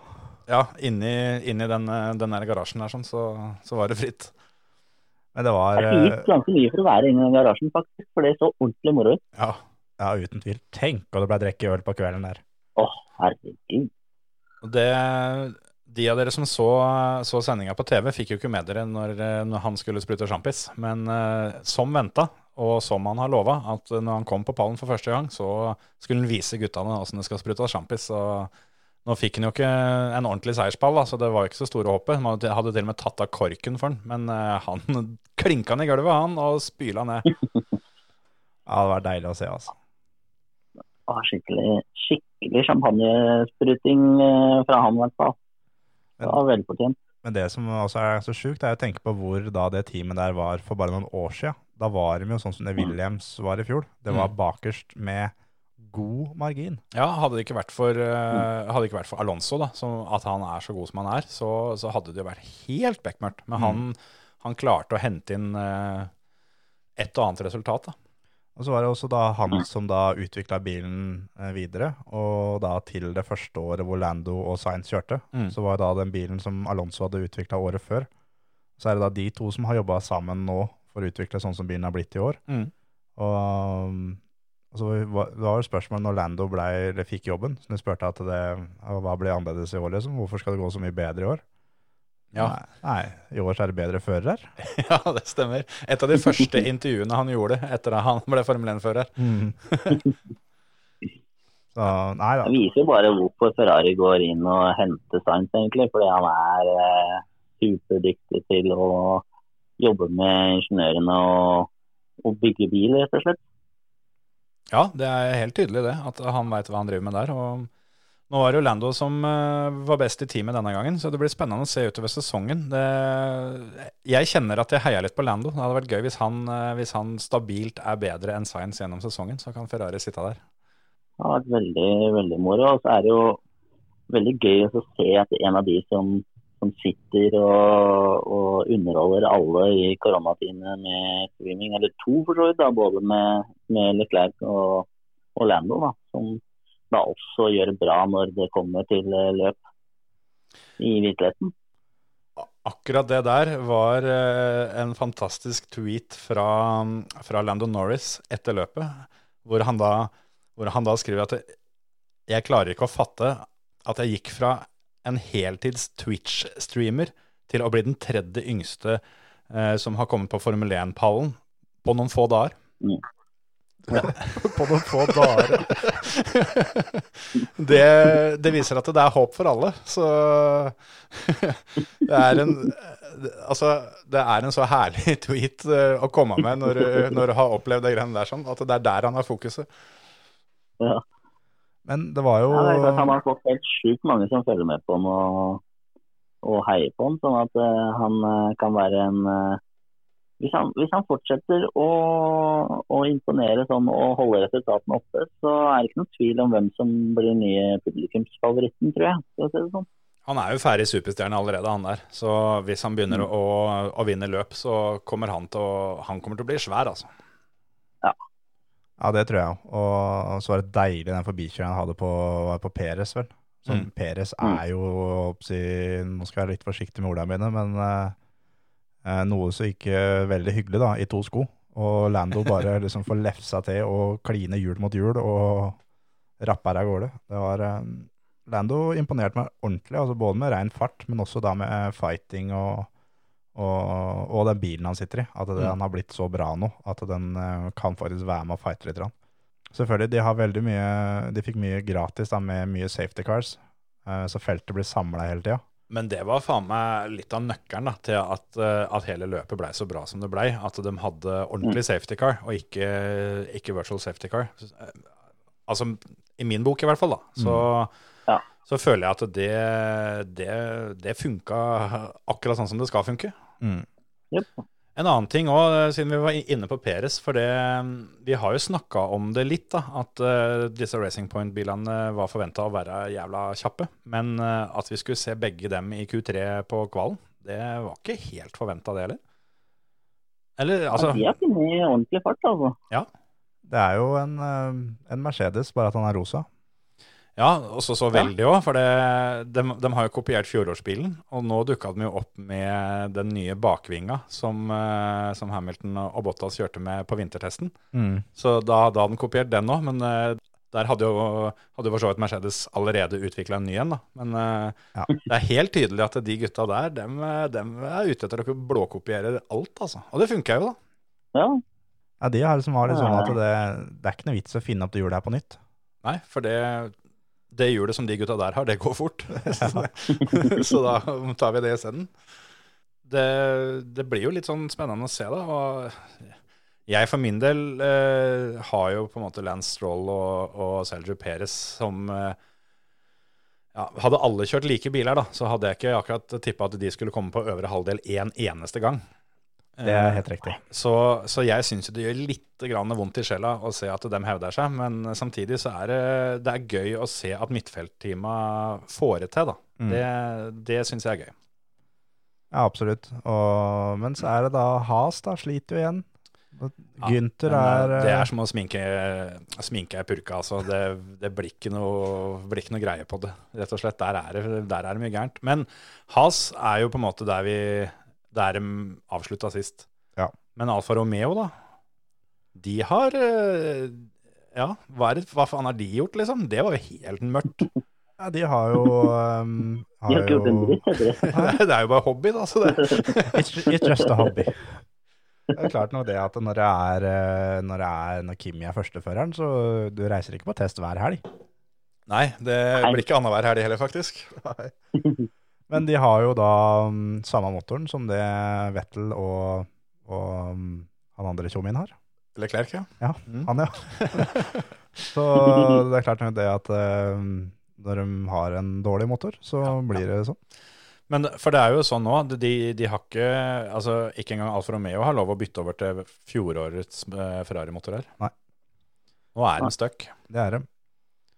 Det, ja, det blir interessant å se, for nå, nå skal de kjøre et nytt løp på samme banen til helga. Og eh, når episoden kommer ut, så er de vel omtrent på med kjørehanskene og skal snart i gang med treninga. Men um, Bortsett fra Kimi. bortsett fra Kimi, da. Han kuler'n den til søndagsmorgen, tenker jeg. men, uh, men nå har de jo fått uh, ganske mange mil med data, da. De har jo kjørt uh, trening og kval og, og ikke minst løp. I hvert fall de fleste har, fikk kjørt en god del løp. Og det er mange Altså alle har jo egentlig noe å jobbe med. Det er vel nesten bare Racing Point vel, som ikke hadde noen sånn voldsomme problemer. Eller det, det var vel noen sånn sensorissues der òg? Ja, alle teama som kjørte um, Ja, det må bli alle teama som hadde Merce-motor her. Ja, de sleit. Mm. Der var det da girkassesensoren som, eh, som eh, ryker. Og det var derfor mange brøyt. Og da Bottas og Hamilton fikk beskjed om det, at de ikke kjør på noen curbs her.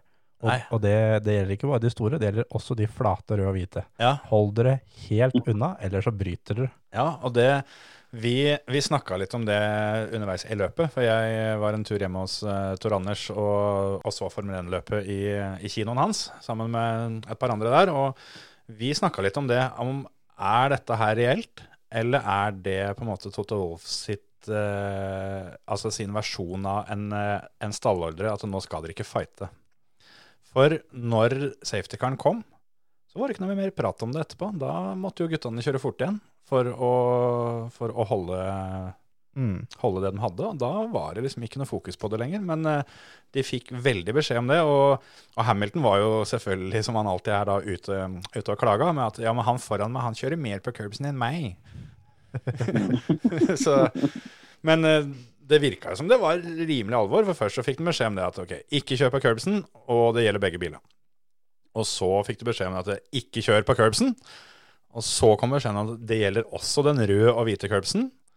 Og så fikk de beskjed om det at eh, dere kommer ikke til mål hvis ikke dere hører på oss. This is critical. Ja, Når du får den beskjeden Og Bottas da- fikk jo til og, med, til og med beskjed om at eh, det er verre for din bil enn for, eh, enn for Louis sin bil. mm. Så det er, jeg tror han som lager de sensorene, han tror jeg har jobba overtid denne uka her. Han har vært framme med loddebolten, det kan du være helt sikker på. For det, det var jo da det store problemet, som var eh, mye av grunnen til at eh, alle brøyt. Mm. Eh, det var ikke grunnen til at, eh, at Max brøyt. Der, det, det var rart. Den bare kutta og gikk i en sånn ekstrem safety mode. Han uh, satt jo og jokka over, over hele sletta. Det, det så ut som han på en måte tok det der tolv år uh, gamle knepet med å liksom jokke bilen framover. Ja. Men det må jo være noen sensorgreier der òg, som gjør det. Helt uh, klart. Og det var jo en annen bil òg som du så den bare døde. Mm. Og eh, Magnussen mista bremsene. Ja, Grosjean òg. Så det var eh, For Has så var det det som var trøbbelet. Og så var det motoren til noen. Og, og sånn som Racing Point-bilene har, har jo sett ut som de har kjørt med rådebank hele helga. For det, der har jo blåloggene ligget bak dem. Ja, men det, De det er klart nok det at når bilen har stått hele vinteren, så ja. Det er noen pakninger som skal smøres opp først.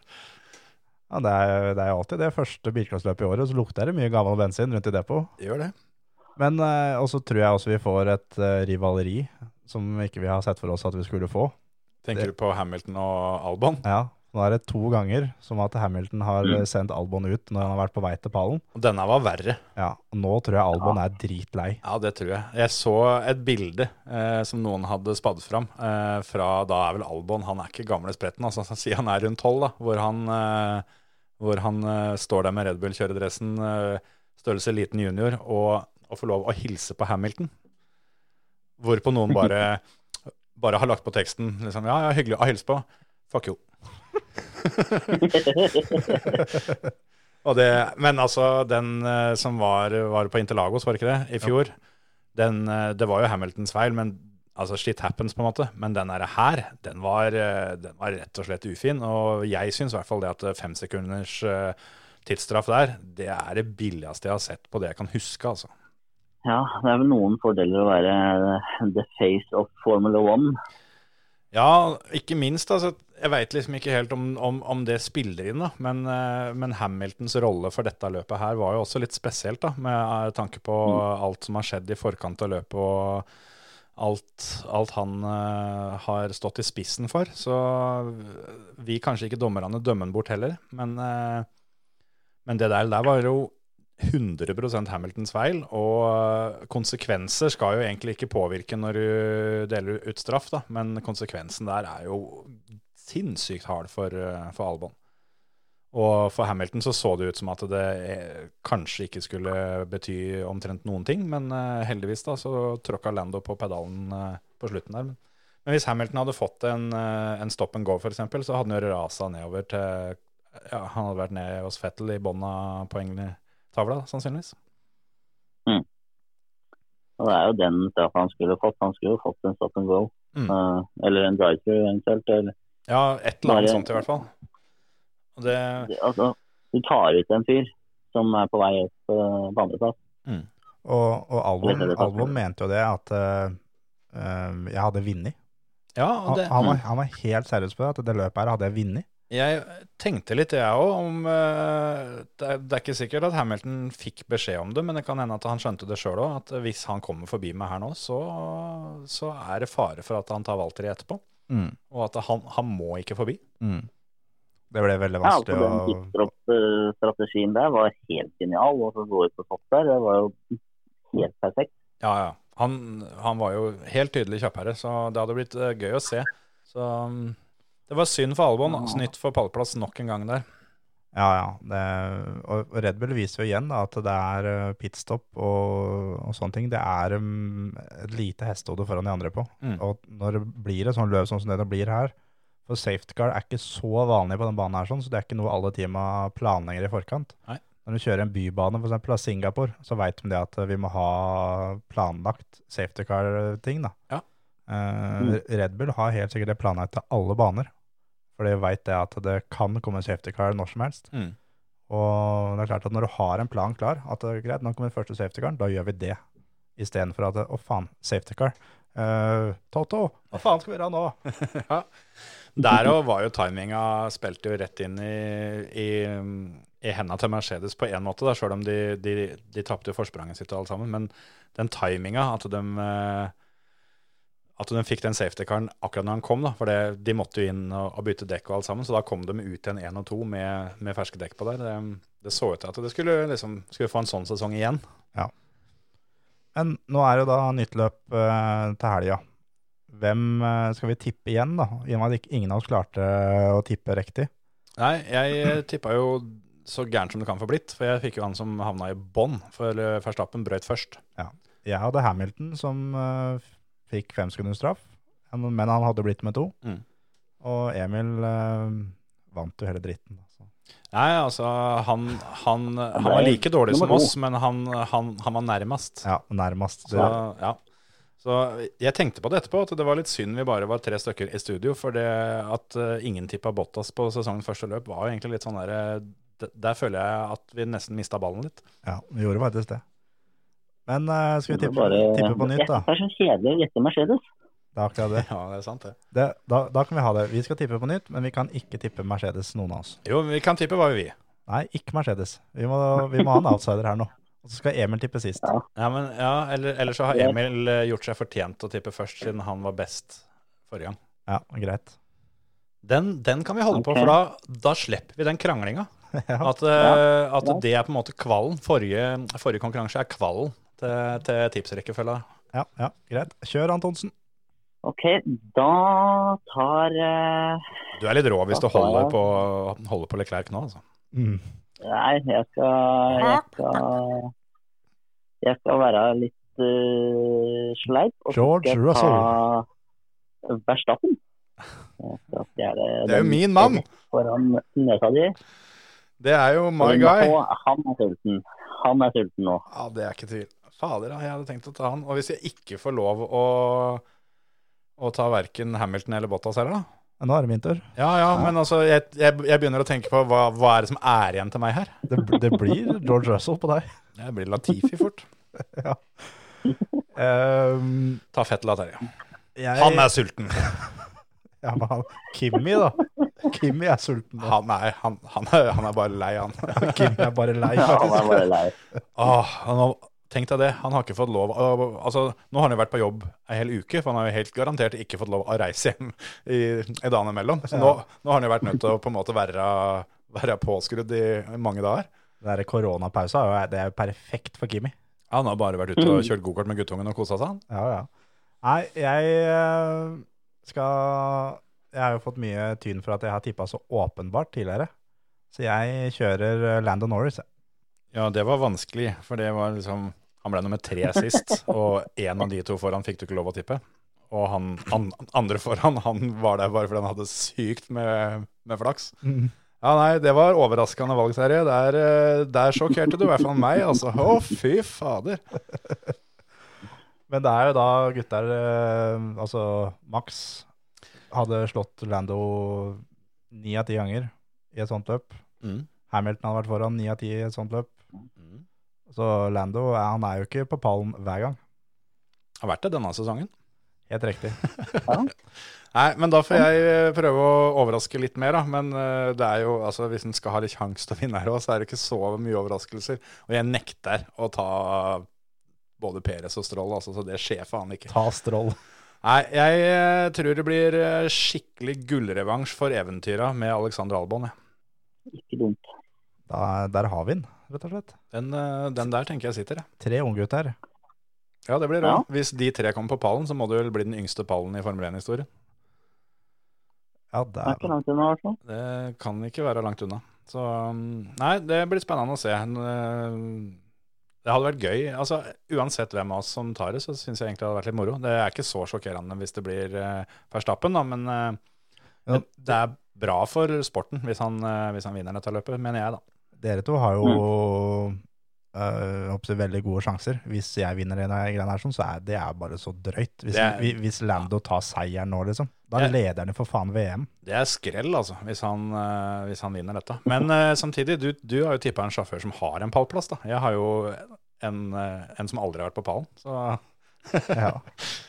Nei da, det blir jævla spennende å se. Og jeg tror, jeg tror ikke vi kan forvente oss å se noen blåkopi av det løpet som var om helga. For nå er det masse biler som skal tunes opp og justeres om. Og som sagt, da, all den dataen de, de har, Den, eh, det blir spennende å se hvem som utnytter dette best. Ja, nå skal det justeres gasser her, det justeres tenning, og det Byttes dyser. byttes dyser, og smidd noen nye innsug, og det er mye, mye som skal gjøres der nede nå. Ja. Nei, men skal vi si det sånn Emil? Så kan du fortsette fortsette med din eh, forberedelse til eh, videre golfturnering. Ja, nå fikk jeg akkurat ny mail, faktisk. Så da Nå har Emil fått mail så som han vil legge på. Da, Ja. da har Emil fått, Eh. fått mail her, så da må må på internett, så må vi legge på. Er det du Ja. kan vinne for noe i denne turneringa her, da? Får du, får du noe feite greier hvis du vinner?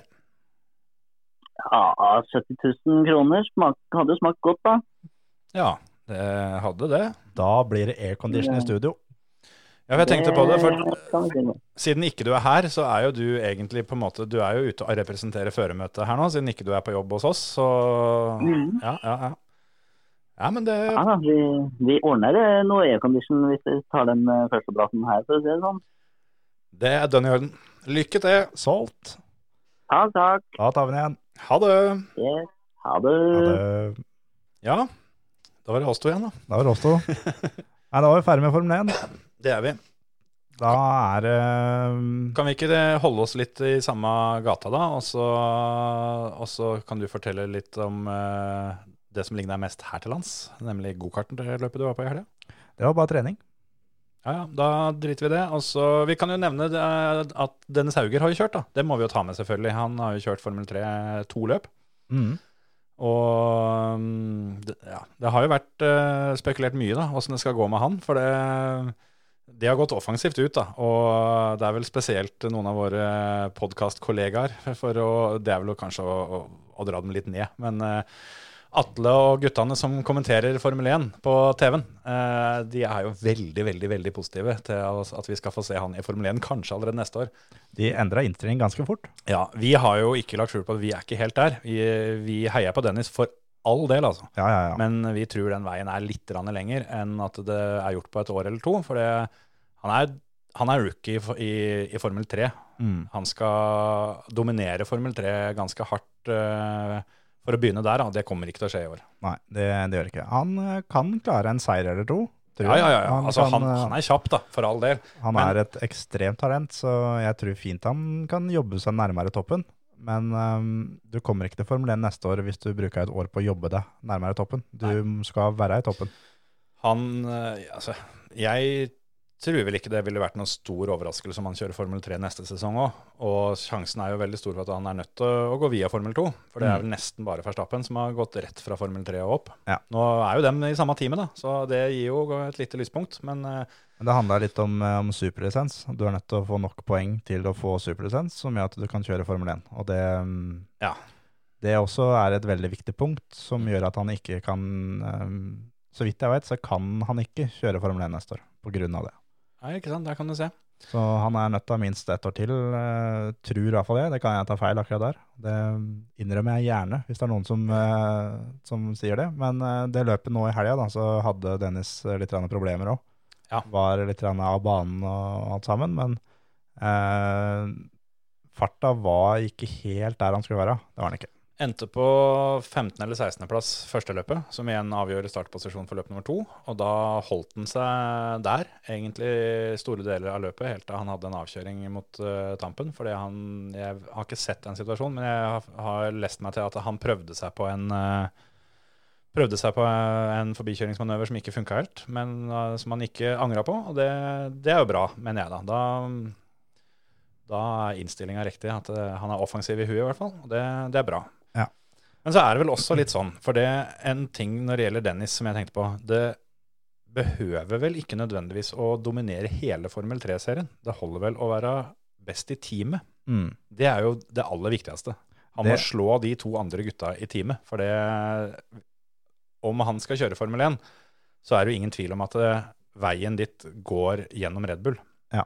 Og der har han en kjempestor fordel med at dem for det første har eh, kjempelang, eh, kjempelang historikk da, med å satse på unge førere.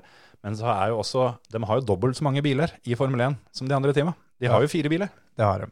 Og det er på en måte det er førstepri innenfor all form for motorsport. Det er at du skal være best i teamet. Ja.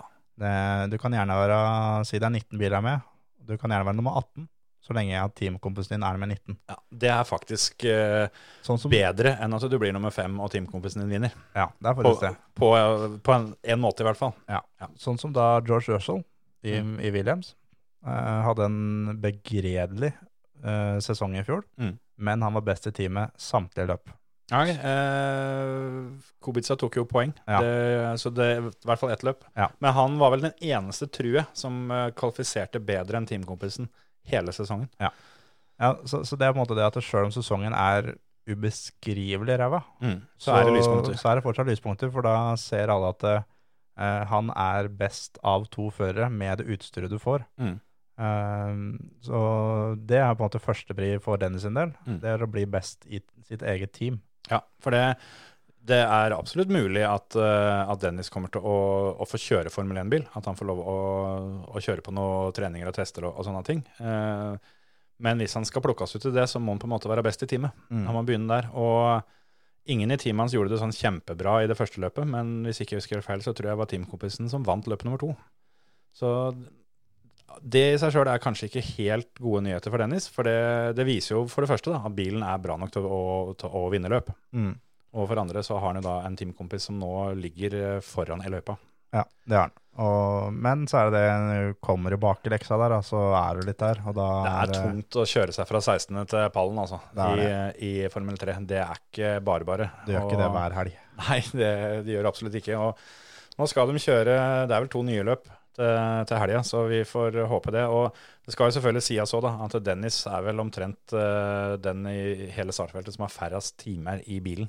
Ja, det har han, uten tvil. Og, så det er eh, eh, å bruke det året her nå, i hvert fall starten, da, til å få komme seg litt i gang, og komme litt inn i rytmen, og rett og slett bygge stein for stein. Mm. Og eh, kanskje legge bort det Formel 1-greiene litt, grann, og heller fokusere litt mer på Formel 3. Formel 3. Mm. Og rett og slett ta øya litt tilbake igjen. Kan hende det. og Jeg tror Dennis kommer til å bli mye kjappere utover sesongen når han eh, blir bedre kjent med bilen og, og, og på en måte feltet rundt seg. Mm. Jeg eh, har absolutt trua på at vi får se Dennis på pallen opptil flere ganger denne, denne sesongen her. Og det kan selvfølgelig skje om få uker. Ja, ja. Det, han kan være på pallen til helga. Han kan vinne begge to. Det er ingen som veit. Og hjelpe, trøste og moro det skulle vært da, om vi får rett at han eh, kommer seg til Formel 1 eh, i løpet av Hvis vi skal være realistisk, da, så si en tre-fire år er vel i beste fall, mm. tenker jeg da. Mm. Men jeg venter eh, gladelig de, de åra der, hvis vi får han inn der. Altså. Det, da begynner det å bli gøy. Veit du åssen gokart han trener med når han trener gokart, eller? Birell? Kjører CRG, han vet du. Han kjører CRG. Ja, ja da, det er ikke rart han er flink. Nei, nei, nei, det er ikke rart han kommer til, kanskje kommer til Formel 1, vet du. De beste guttene kjører CRG. Det er helt riktig. Men um, er vi ferdig på rein asfalt da, eller? Ja, skal vi For det etter du var på gokarttrening, så var jo du en tur i Valdres. Det var jeg. Og der eh, var det bilcrossløp i helga. Det var det. Fikk Jeg- du sett noe? Nei da. Jeg, jo, jeg, jeg fikk sett jævla mye bilcrossbiler. Men jeg så dem langs veien, da.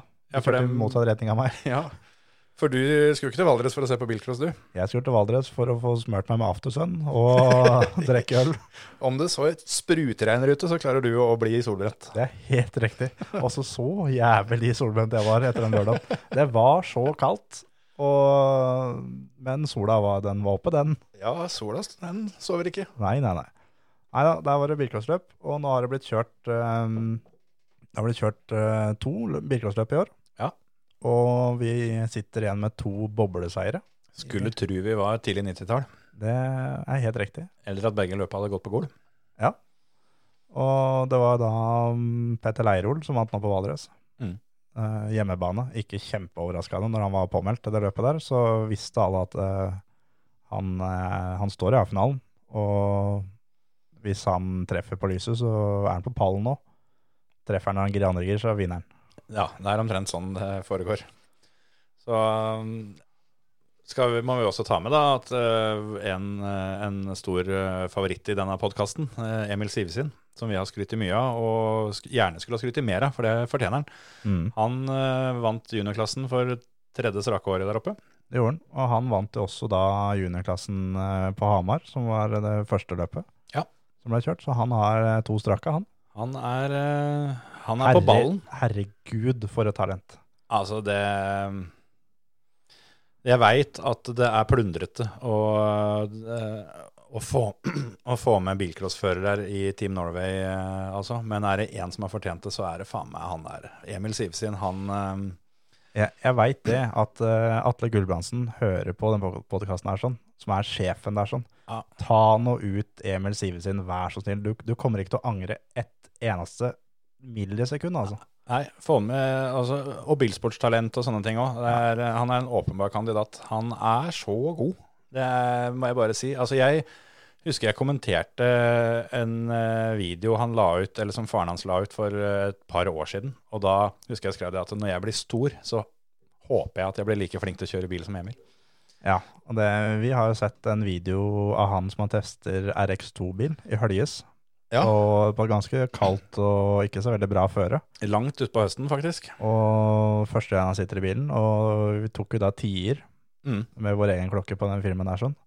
Og det er tier bra nok til å kjøre i A-finale i VM, altså. Han var, var omtrent på tida da til uh, Sondre Evjen, uh, som uh, kjørte der under Eller når han vant under Alex Nordic, eller om det var EM-runden, eller hva det var. Men i hvert fall, ja. Og det er med da en bil han har ikke, ikke tilpassa oppsettet til seg sjæl, og banen var kald, og sikkert noen gamle dekk de hadde liggende alt sammen. Ja, ja. Det, uh, ja. Han har vel eh, fått seg rallycrossbil og skal kjøre litt rallycross i år, er planen. Så det øker kanskje sjansene for litt Team Norway-deltakelse. Det, det hjelper ofte. Så heia Emil eh, Sivsin, det kan vi ikke få sagt for ofte. Og mm, jeg så det var noen herlige stillbilder som, eh, som vanlig. Det var vel Stian Ormstad som hadde vært oppe på Valdres og tatt noen bilder. Når han lånte bilen av Gøran Skarten, og når den der Volvoen eh, vrir seg rundt curvesen der sånn, det, du kan snakke om at den DS3-en til Oliver eh, er mjuk og god, altså, men det greiene som Blårøyken står, og det er så deilig. Det er bilcross på sitt aller, aller, aller beste. Og det er eh, fantastisk kult at vi har kommet i gang med bilcross-sesongen. Ja. Ehm, og at det da har vært kjørt på Hamar, som er en kul bilcrossbane. Mm. Vennekvern, ja. Og kjørt da på Valdres, som også er en bilcrossbane. Er det Valdresbanen vi to har snakka om uh, tidligere? At det er en bane vi Eller er det Tynset litt lenger opp? Tynset, ja, som har vært helt perverst å vært der oppe. Vi har kjørt en gang. Ja, den, Vi har aldri vært på banen, vi har bare, bare sett filmer derfra. Og det er vel eh, øverst på ønskelista vår av bilcrossbaner, begge to, tror jeg. Ja, det tror jeg. Den er foran Høljes. Ja, det er sant. det er faktisk helt sant. Nei da, så det- er i gang, og mm, det er jo en litt annerledes eh, sesong, selvfølgelig. Men det er ikke lov med publikum. Nei, det er det ikke. Men eh, begge løpa har blitt sendt eh, live på nett. Eh, så det har vært mulig å, å se på dem allikevel. Store tomler opp til folk som får til sånt. Det, det er så viktig nå som ting er som det er, som vi var litt inne på det, at det dessverre ikke ble noe av det fra Varna den gangen. Men eh, da får vi heller passe på å skryte ekstra mye av, av de som får det til. Og ja. jeg eh, har ikke fått sett så mye fra Valdres, dessverre, for da, det var så jævla mye annet som skjedde denne helga her. Men eh, jeg satt og så litt på fra Hamar. Det, det er deilig. Du kjenner nesten lukta, altså. Ja, det gjør det. Det er eh, Jeg skulle ønske da for da det neste løpet som kommer, ikke Mm. at jeg vet hvor det er hen. For det er så mye har ikke jeg lest meg opp. Men Nei. i hvert fall på det løpet at det er et kamera i depot. Så jeg får hørt noen litt sånn feiljusterte doble Weber her. For det er jo på en måte bilcross for meg. En, Ja. en Volvo som kjører fram til plata, og det smeller litt i gassrandet. Og, og at det er, ting er ikke helt på stell. da. Ja, kunne få, få hyra en Oddmund eller noe, og så få gitt han eh, en mikrofon så han kan gå litt rundt ned i depot. Det hadde vært noe. Ja, dæven. Ja, det er neste. Det er utfordring til de som skal arrangere løp. Mm. Få tak i Oddmund. Gi Ring. han en mikrofon. Ring Oddmund Vestby, gi en jobb Ja. og mikrofon. Solgt. Ja, det, det er det. Så har vi noe mer å prate om? Skal vi, skal vi ta dette dirt-konkurransen? For det, vi har jo kosa oss skikkelig, begge vi to, med å hamre løs på noen veier ned i New Zealand med en uh, Escort MK2. Escort MK2. Og apropos feiljusterte her, det er ikke den, altså. Den, den lyden i den bilen Jeg prøvde å, å bytte over, for det, du kan velge mellom fire biler. Da har jo vi kjørt Escort begge to, og så prøvde jeg å bytte over til Kadetten. Jeg har jo hatt Kadett uh, som jeg har kjørt bilcross med. Jeg det, det, Roppemoen er neste ja, det er det, jaggu. Der skal Kadetten min eh, gå. Gamle, gamle Kadetten min skal kjøre der. Ja, det kommer jeg på nå. Ja. Men lyden i den Kadetten gjorde at den bilen er ikke med i, i vurderinga, for det Sånn den, apropos feiljusterte gasser og den kadetten din. ja, Ja, ja, det er sant. Det. Nei, den der eskorten eh, Gammel MK2 som vi har eh, arrangert løp med da i eh, New Zealand, på Dirt Rally. Og der eh, lova vi bort eh, ei T-skjorte fra Eivind Brynildsen. Årets eh, team-T-skjorte som han hadde med seg til oss eh, når han var her. Den er fin, altså. Den er faktisk fin. Den har ligget i studio her eh, siden han var her, og den, den kommer nå til å få en ny eier. Jeg trodde litt av stund der at jeg skulle få meg en ny T-skjorte, faktisk. For jeg uh, syns jeg var ganske flink, kjørte ganske fort, og tok ledelsen eh, foran Thomas Wangen på det tidspunktet, som jeg mm, trodde skulle bli lei av å slå, for det jeg begynte å rote det til så jævlig når jeg kom sånn halvveis inn i løpet og så at eh, her henger vi med. Så kom nervene. Ja. Løpsnerver er ikke til å kødde med, sjøl om, eh, om du sitter hjemme på promperommet. Altså. Det, dem kommer. Det er helt riktig. Det kan vel du skrive under, for det, du brøt vel det det løpet opp til flere ganger? Ja. Du tok en sånn uh, Er han hette for noe, han som uh, Daniel Apt. Apt, ja. Du tok en apt, rett og slett. Jeg tok en Apt akkurat i det løpet her, ja. Men det skal sies da til Terjes forsvar at han, han sa fra på forhånd at uh, nå gikk dette løpet så dritt, fordi du uh, kåla det litt til på SS1, så kjørte du og satt bestetid på SS2, Ja. og så reiste du av noe sånn inn i helvete etterpå og måtte bryte. Ja. Og da sa du at dette var så gøy at nå, lån, nå må jeg rett og slett låne meg en konto og kjøre en gang til. Men jeg skal ikke ha noe premie. Ja, ja det sa jeg fra. Eh, og jeg visste egentlig det, at det på konto nummer to, så jeg kom ikke til å komme til mål. Det, for det visste jeg, for det, jeg hadde ikke kjørt så veldig mye med den bilen der. Så den eneste måten jeg kunne holde følge da med dere som hadde kjørt litt, det var rett og slett å slippe ballene helt ned på knea, og bare lefse til det, det, det jeg turte. Mm, så jeg fikk lånt en konto av eh, Preben, som jeg kjører da iRacing sammen med, Ja. og brøyt vel på SR7. Og jeg kom veldig mye lenger enn det jeg hadde trodd. Så jeg kom, jeg kom ikke til mål på noe av dem. Det gjør jeg ikke. Du eh, er inne og ser på leaderboarden her, og du eh, har fortsatt fjerdetida på SS2, som, eh, som du satt der med din egen konto. Jeg klarte å knipe den så vidt det var, og så kom jo Mongo-Jon, da, som så ofte før. Han kom først, og mm, jeg trodde jo tida mi var ganske bra, sjøl om jeg veit at det ble lagt igjen en god del i siste halvdel. Han slo meg med tre minutter, da, bare sånn for å gjøre det, liksom.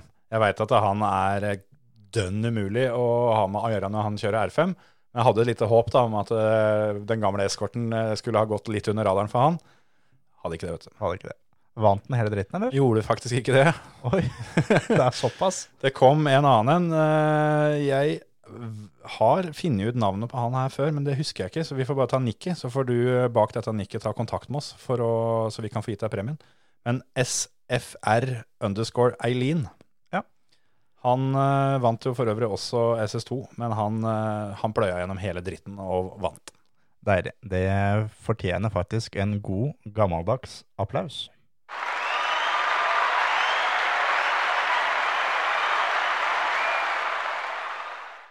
Slo jo med et halvminutt, da. Det er så sjukt. Det er så sinnssykt tempo de guttene der har. Det er liksom sånn som jeg ser på Tine, sånn at det, det går an å holde sånn tålelig følge. Men uh, gutta gjør jo ikke noe feil. De kjører jo, kjører jo tolv etapper uh, så fort det går an, da. Det, det får ikke jeg til, altså. Nei, nei, nei. Så da vi er nødt til å trene, faktisk. Vi må, vi må opp i ringa. Men det er helt greit, for det er så gøy å, å kjøre Ja, ja, den eskorten at det vi, vi hadde egentlig Altså, jeg fikk vel beskjed av deg etter du hadde omtrent kommet til første sektor på SS1, at så fort dette er ferdig, så setter du opp et nytt løp. Jepp, det er helt riktig. Har ikke gjort det. Så det er bare å få fyra opp uh, Skottland. Skottland er gøy med den bilen. Problemet er jo at Skottland er sånn kjøpebane. Da. da må folk ut med lommeboka. Men det, Jo, jo, penger, men, penger til bånn. Men det er det faen meg verdt. Altså. Ja, ja, ja. Skottland er dritgøy å kjøre. Ja, ja. Raggen går. Dette her går fint. Vi, men det er jo sommeren og sånn, da. Folk har jo litt annet å finne på. Så det var derfor jeg tenkte at kanskje vi bare skal ha kulen litt. Men eh, vi kan jo sette opp et løp. Så sette kan, opp eh, tre uker, da. Ja, men det, ja, faen, da, det er så lenge å vente på å se åssen det går. Ja, det er sant. Vi, vi banker ut et nytt løp som, eh, som starter i dag, når denne episoden kommer ut, og så holder vi på halvannen uke, sånn som sist. Så øh, hvis det blir øh, Skal vi se, siden det er sommeren, så må vi tenke oss om. Det var 24 stykker som kom til mål, faktisk, der, men det var en del flere som begynte. Hvis det blir over 20 deltakere Mm.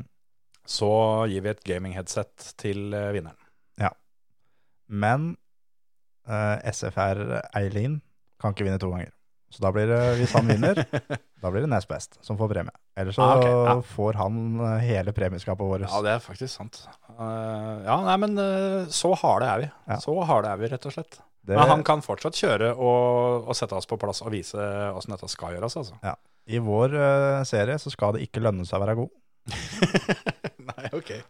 Ja, nei, men vi, vi, vi setter opp et løp til med denne eskorten i, i Skottland på Dirt Rally. Søk opp Foremote podkast og meld dere inn i klubben. Og kjør og kos dere. Og, og kos dere kommer dere til å gjøre, det er jeg 100 sikker på. Ja, ja. Ermen i kermen og litt bakhjulstrekk og nei, det der er så Helt overlegent. Det er eh, helt perfekt, faktisk.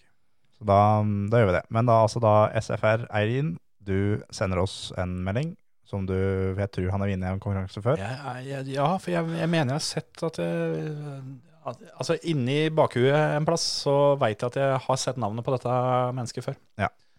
Så du gjør det, og så får du en T-skjorte i posten. Rett og slett. Og um, bare for å si det, en siste ting med altså, hvor rå den eskorten er. Det er til og med gøy å se på replayen. Det er faktisk det. Det er- sier alt. det men han, han går fælt. Ja, han gjør det. Den, eh, Terje, før vi begynte å spille inn i dag, så når jeg kom opp, på, opp i studio her, sånn, så satt han i stolen han og kjørte eskort. Og da kjørte han på den eh, etappa som alle, alle gjestene våre kjører. Og um, hadde vel Ja, du fikk vel to treningsturer, da, sånn som dem får. Mm. Og på tredje forsøket der, sånn, så du var sekundet bak bestetida av, av det folk som har vært på, vært på besøk, har kjørt. Men de har kjørt uh, firehjulstrekker eh, Evo 9. Ja. Jeg kjørte en gammel eh, eskort. Det er så gøy. Det er så moro. Den går fælt. Nei, det er bare, bare å gjøre. Men har du fått kjørt noe asfaltracing eh, i det siste? Har det blitt noe simracing eh, siden sist? Nei. Er, det noe å snakke om? Nei, ingenting.